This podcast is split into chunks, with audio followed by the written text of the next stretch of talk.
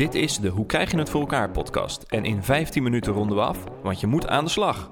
Ik ben Reinier Ladan en dit is een podcast over hoe mensen werk gedaan krijgen en de constante zoektocht naar het verbeteren ervan. Deze podcast wordt mede mogelijk gemaakt door Patreons. Wil je ook deze podcast een handje helpen en Patreon worden? Of wil je meer over deze podcast te weten komen? Check dan hoe krijg je het voor elkaar.nl. Met wie spreek ik? Met Dennis Kramer. Hallo Dennis, hallo. Ik heb een productiviteitstip voor je. Vertel. Oké, als je in Slack zit op je Mac en je wilt terug naar het vorige kanaal, dan kan je command uh, blokhaak links doen. Oh, echt waar? Ja, oké, nu moet ik weer aan de slag. hoi, hoi. Dit is seizoen 1, aflevering 1. Zoals ik in de intro al zei, ga ik dus op zoek naar hoe mensen werken en hoe dat efficiënter, slimmer of met meer voldoening kan. Dit is een onderwerp dat me al heel lang bezighoudt, eigenlijk al sinds ik het boek Getting Things Done van David Allen heb gelezen in 2005.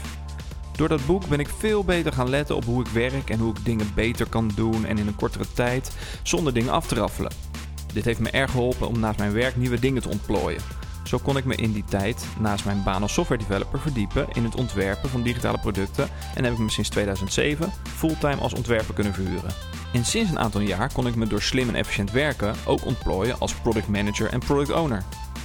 Via deze interesse kwam ik ook Rick Pastoor online tegen en we besloten om zo nu en dan eens koffie te gaan drinken en over het managen van producten en teams te gaan praten. Ik werd erg enthousiast toen hij een keer vertelde dat hij er een boek over aan het schrijven was over dit onderwerp. Het boek leek me een prima onderwerp voor een podcast waar ik al een tijdje mee in mijn hoofd rondloop.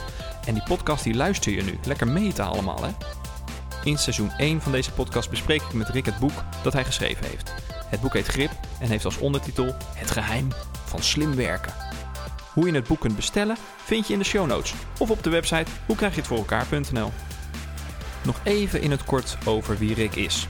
Rick die bestuurt samen met Alexander Klupping de start-up Blendel. En in zijn werk ziet hij dagelijks hoe gepassioneerd Alexander is in zijn werk. Dit was een grote inspiratiebron voor Rick voor het uitwerken van zijn methode waar hij zijn boek over heeft geschreven. En met die methode wil hij weer andere mensen uitdagen om vol passie en aandacht aan het werk te gaan. In deze eerste aflevering praat ik met Rick over hoe het boek is ontstaan en waarom hij dit boek heeft geschreven. Zo leren we Rick wat beter kennen. En in de volgende afleveringen gaan we praten over wat er echt in zijn boek staat. Ik vroeg aan Rick, wanneer was nou het moment dat je ineens dacht: hey, ik ga hier een boek over schrijven? Nou, ik kan niet, ik kan niet echt iets aanwijzen. Maar ik ben wel steeds meer, en dat komt ook wel heel erg door hoe gepassioneerd Alexander is over uh, iets doen voor de journalistiek. Waarbij ik gewoon van dichtbij meemaak hoe iets wat voor iemand zo belangrijk is, wat voor uitwerking dat heeft op alle aspecten van zijn leven. Uh, hoe die een bedrijf runt en hoe die, hoe, hoe die belangrijk die dat maakt. Hoe meer ik zelf ook ben na gaan denken over wat, wat wil ik nou eigenlijk? Toen ontdekte ik dat ik wel een soort van bovengemiddeld dat belangrijk vind om iets te doen wat zin heeft wat iets, wat iets bijdraagt, wat iets fixt. En ik geloof ook heel erg in dat we in een tijd leven waarbij er zoveel mogelijk is, ook op dat, uh, op dat vlak. Nou, we hebben het volgens mij wel eens eerder over gehad. Dat soort van ben je. Geloof je in dat, uh, dat het uiteindelijk nog goed kan komen? Of, uh, of denk je dat het, allemaal, dat het uiteindelijk allemaal explodeert? En ik denk dat ik ben wel een soort van, nou niet optimist, maar wel, ik zie wel mogelijkheden. En ik vind het eigenlijk heel vet om mensen om me heen uit te dagen om, om daar iets mee te doen. En eigenlijk wat ik merkte is dat dit verhaal vertellen, dus zeggen, volgens mij kan er een hele, hele hoop, dat mensen dan denken, ja, ja, ja, maar hoe dan? Uh, dat ik dus eigenlijk heb gemerkt in de afgelopen jaren, en eigenlijk ook vooral bij Blendel, maar gewoon de dingen die, die ik interessant vind, dat het heel goed mapt als in juist die banale dingen zoals je agenda en je e-mail en je taaklijst, dat is eigenlijk de sleutel voor mensen om, om te gaan ontdekken wat ze nou daadwerkelijk, uh, uh, wat ze nou daadwerkelijk belangrijk vinden. Dat klinkt een beetje gek, maar ik geloof echt dat je daar moet beginnen. Bij soort van je systeem op orde maken om ruimte te uh, maken in je hoofd om, om te denken wat je nou daadwerkelijk wil. In 2016 schreef Rick elke dag een nieuwsbrief over hoe je nou een goed product maakt en wat je daar voor jezelf als proces voor moet inrichten. Hierdoor begon langzaam het idee voor het boek te ontstaan. En dat boek ligt er natuurlijk niet ineens, daar heb je een goed doordacht proces voor nodig. Per kwartaal bedacht ik gewoon hier, deze dingen wil ik uh, dit kwartaal doen. Dit is nodig om te doen voor mijn boek. Het is gewoon niet meer alleen een boek, het is een product. Sprak toen, dat was twee jaar terug, sprak met Ernst-Jan Fout en die zei ook, uh, hè, dus, die werkt voor de correspondent en die, zei, die is, die is ook auteur van verschillende boeken. En die zei, joh, het belangrijkste ding wat je moet doen is bedenken dat het niet een boek is, maar dat je een product aan het maken bent. En dat betekent dat het gewoon breder is dan alleen een uh, boek. Nou, daar, daar, had ik doelen voor, die elk kwartaal waar ik mee bezig ging. Dus ik begon een nieuwsbrief hierover om eigenlijk al een groep lezers al aan me te binden. Want je wil gewoon een soort van... Ik, ik, niemand kent mij, eh, mensen weten niet wie ik ben. Dus je moet beginnen met het opbouwen van, van een soort van audience. Ja, en dat deed ik elke, elk kwartaal en dat kwam elke week weer terug. En ja, dat leg ik wel in detail uit hoe dat werkt. Uh, en toen kwam ik via via in contact met Harminke Medendorp. Dat is een, uh, een, een steen, goede redacteur. En zij is met een aantal andere mensen een soort van collectief be begonnen... om eigenlijk individuele auteurs te helpen om, uh, om boeken te maken. En zij nemen gewoon heel selectief projecten aan. Dus ik had een leuk gesprek met haar en zeiden ze... nou, we gaan eens even over nadenken. Toen hebben ze eigenlijk met z'n drieën dus gezegd... dus, dus um, iemand die verantwoordelijk is voor, voor PR... een deel over krijg je die boeken nou bij de boekhandels? Want dat is ook nog een heel ding. Uh, en Harminke dus als redacteur en, en projectbegeleider zei... hey, wij willen dit project wel met je doen. En toen ben ik met hun het hele project, het hele traject ingegaan van oké, wat is er dan nodig? Uh, en zij, uh, dan doe ik op Harminke, die, die heeft me danig bij de, bij, de, bij de kraag gevat en gezegd, hey, dit is wat er nu moet gebeuren. Zij, zij heeft gewoon een hele strakke planning neergezet met hey, zo, zo moet je dit gaan doen. Rick stelde voor zichzelf een doel en ging aan de slag met het schrijven van 20.000 woorden in een kwartaal en het maken van een complete outline. Maar hoe tover je uiteindelijk die 20.000 woorden en een outline om tot een compleet boek? Ja, sowieso denk ik dat iedereen die, die iets met een boek wil of als je iets wil schrijven, huur alsjeblieft een goede redacteur in. Want het is zo belangrijk dat iemand meekijkt die vooral let op de structuur en de opbouw. Dus dat is ook eigenlijk waar, waar zij mee begon. Dus, dus door te zeggen, hey, ik heb gewoon gekeken naar de, naar de hoofdstukindeling. Nou, het begin was eigenlijk, dat begin stond best wel snel. Dus het uh, agenda en de, uh, de taaklijst en e-mail eigenlijk waar ik mee begin. Dat was best wel snel helder. En die hoofdstukken daarna, dat heeft best wel veel schuif en knip- en plakwerk uh, gehad. Maar waarin zij gewoon elke keer zei, hey, je moet beginnen met zorgen dat, dat die lijn klopt. Dat je de, de lezer meeneemt in, oké, hoe kan die nou komen van, ja, van waar hij nu is tot waar je hem uiteindelijk wil hebben. Uh, en wij kwamen er steeds meer samen ook achter dat... Hè, want bij deze boeken kun je eigenlijk altijd beginnen met heel concreet en praktisch. Of je gaat eerst soort van de diepte in en zegt... nou, wat is nou het doel van je leven? En, uh, echt, want dat zijn een beetje de twee routes die je kan, kan, kan volgen. En we hebben er heel duidelijk voor gekozen om, te om heel praktisch te beginnen. Ik wil eigenlijk dat als je begint met het boek... dat je direct vanaf pagina 1 gewoon dingen toe kan passen in je, in je leven. Nou, daar heeft ze me in eerste instantie heel erg op gecoacht. Van, hey, hoe vind dit nou uit? Ga nou eens uitzoeken hoe je dit nou wil schuif met die dingen. Ik zou dit hier zetten, dit daar zetten. Op klikte de indeling heel erg. Dus dat was wel echt een moment dat ik dacht... oké, nu heb ik iets in handen wat volgens mij gewoon echt best wel werkt. En dan moet je al die details nog allemaal gaan invullen. Ik weet nog dat ik... Dat was begin vorig jaar. Uh, toen ben ik een paar dagen ben ik naar een klooster gegaan... om daar te, te, eraan te werken. En dat ik toen uiteindelijk op mijn iPad soort van schets maakte met... oké, deel 1, deel 2, deel 3 dit is ongeveer de indeling qua hoofdstukken en dit soort van de, de, de titel en de subtitel.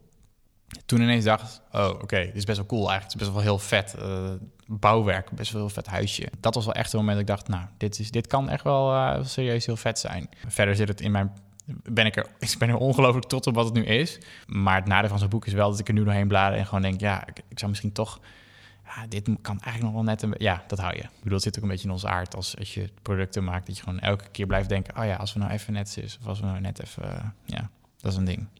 Heel aantal van de onderdelen, vooral verderop in het boek, dat zijn echt wel de dingen waarvan ik het heel erg ook schrijf als bijna handleiding voor mezelf. Zo van, als het gaat over adviesvragen, want dat, daar, eindig ik mijn boek uh, ergens mee, zeg maar slimmer luisteren en uh, dat, soort, dat soort aspecten heb ik ook echt elke keer weer een reminder voor mezelf nodig. Wat zegt, joh, uh, het is zo goed om naar experts toe te gaan. Het is zo goed om, om geregeld met een mentor te spreken. Nou, al dat soort, dat soort dingen. Ja, heel eerlijk, uh, dan lees ik het zelf en denk ik, ja, shit, uh, er zijn gewoon heel aantal dingen die ik wel doe. Maar er zijn ook heel aantal dingen waarvan ik gewoon echt wel die reminder nodig heb om, om dat zelf ook te blijven doen.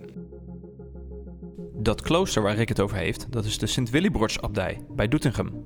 Daar gaat Rick zo nu en dan heen voor een paar dagen om helemaal tot rust te komen en te lezen, te wandelen en gewoon even alleen te zijn.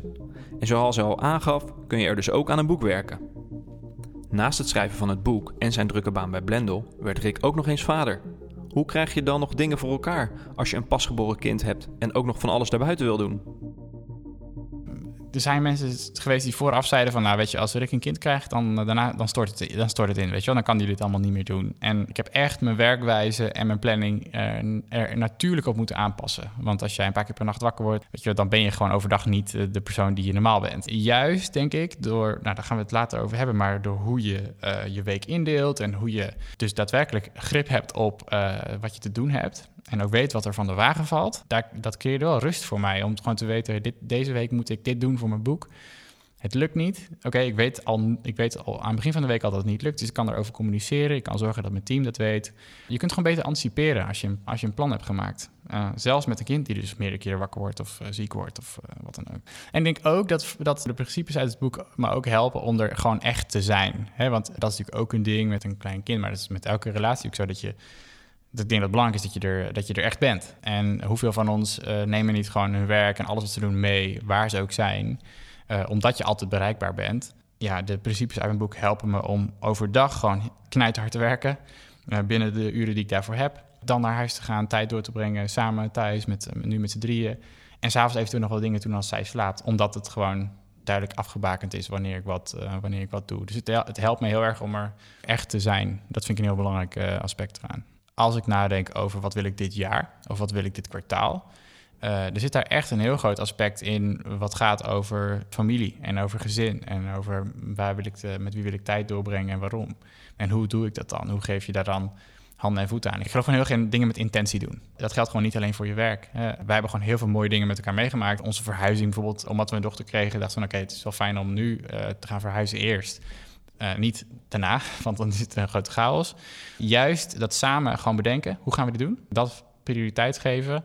Ja, heb je uiteindelijk gewoon, pluk, je de, pluk je de vruchten van. Maar dat geldt ook gewoon wat, inderdaad, op willen we op vakantie waar naartoe? en, en wanneer, hoe zorg ik ervoor dat ik dat regel, in plaats van dat we het daar altijd over hebben en dat het niet gebeurt? Ja, dat, dat, dat is een, zeker een ding wat, er, wat ik doe, ja. Rick had zijn methode ook in een serie video's kunnen opnemen of er een workshop van kunnen maken. Toch is het met een duidelijke reden een boek geworden. Uh, op mijn soort van bucketlist staat, ik wil gewoon een keer een fysiek product maken. Iets wat je in je handen kan houden. Want ik doe alles, uh, alles is digitaal. Ik weet nog het moment dat, uh, dat ik voor het eerst me, een app maakte. Nou, dat, dat gevoel dat je iets in je hand houdt, dat was al, weet je, zo'n stap van je scherm naar je, naar je hand, zeg maar. Ik wilde gewoon ooit iets fysieks maken. Uh, en dat vind ik het vette aan dit proces, omdat je ja, van papiersoort tot uh, hoe, dat, hoe dat met kleuren zit en, en hoe dat voelt en wat, wat voor, hoe, hoe, groot het boek is, al die details, dat is ook een heel vet onderdeel aan het hele, aan het hele traject. Goed, even een korte samenvatting, want we zijn alweer door de tijd heen. Met een verhoogde productiviteit kun je meer doen in minder tijd. Hierdoor hou je tijd over om er te zijn voor je familie en vrienden. Het brengt je ook de juiste inzichten als je iets groots wilt aanpakken waarvan je nu eigenlijk denkt dat je daar geen tijd voor hebt. Je kunt die inzichten al krijgen als je je agenda, je takenlijst en je e-mail op orde krijgt. En als laatste blijkt het krijgen van een kind geen belemmering te zijn bij het schrijven van een boek. In de volgende aflevering praten Rick en ik over het indelen van je agenda. Ik plan eigenlijk alleen maar mijn meetings in in mijn agenda, maar Rick heeft er een hele andere kijk op en ik heb veel geleerd van hoe Rick zijn agenda indeelt. Tot de volgende aflevering. Heb je een vraag aan Rick of aan mij over slim werken? Stel hem op hoe krijg je het voor elkaar.nl en misschien behandelen we je vraag in een van de volgende afleveringen. Ik bedank hierbij alle Patreons die deze aflevering mogelijk hebben gemaakt. En er mag ook een bedankje naar Wouter Visser voor de muziek die ik gebruik in deze podcast. Vind je dit een leuke podcast? Laat het weten in iTunes. En nu lekker aan de slag!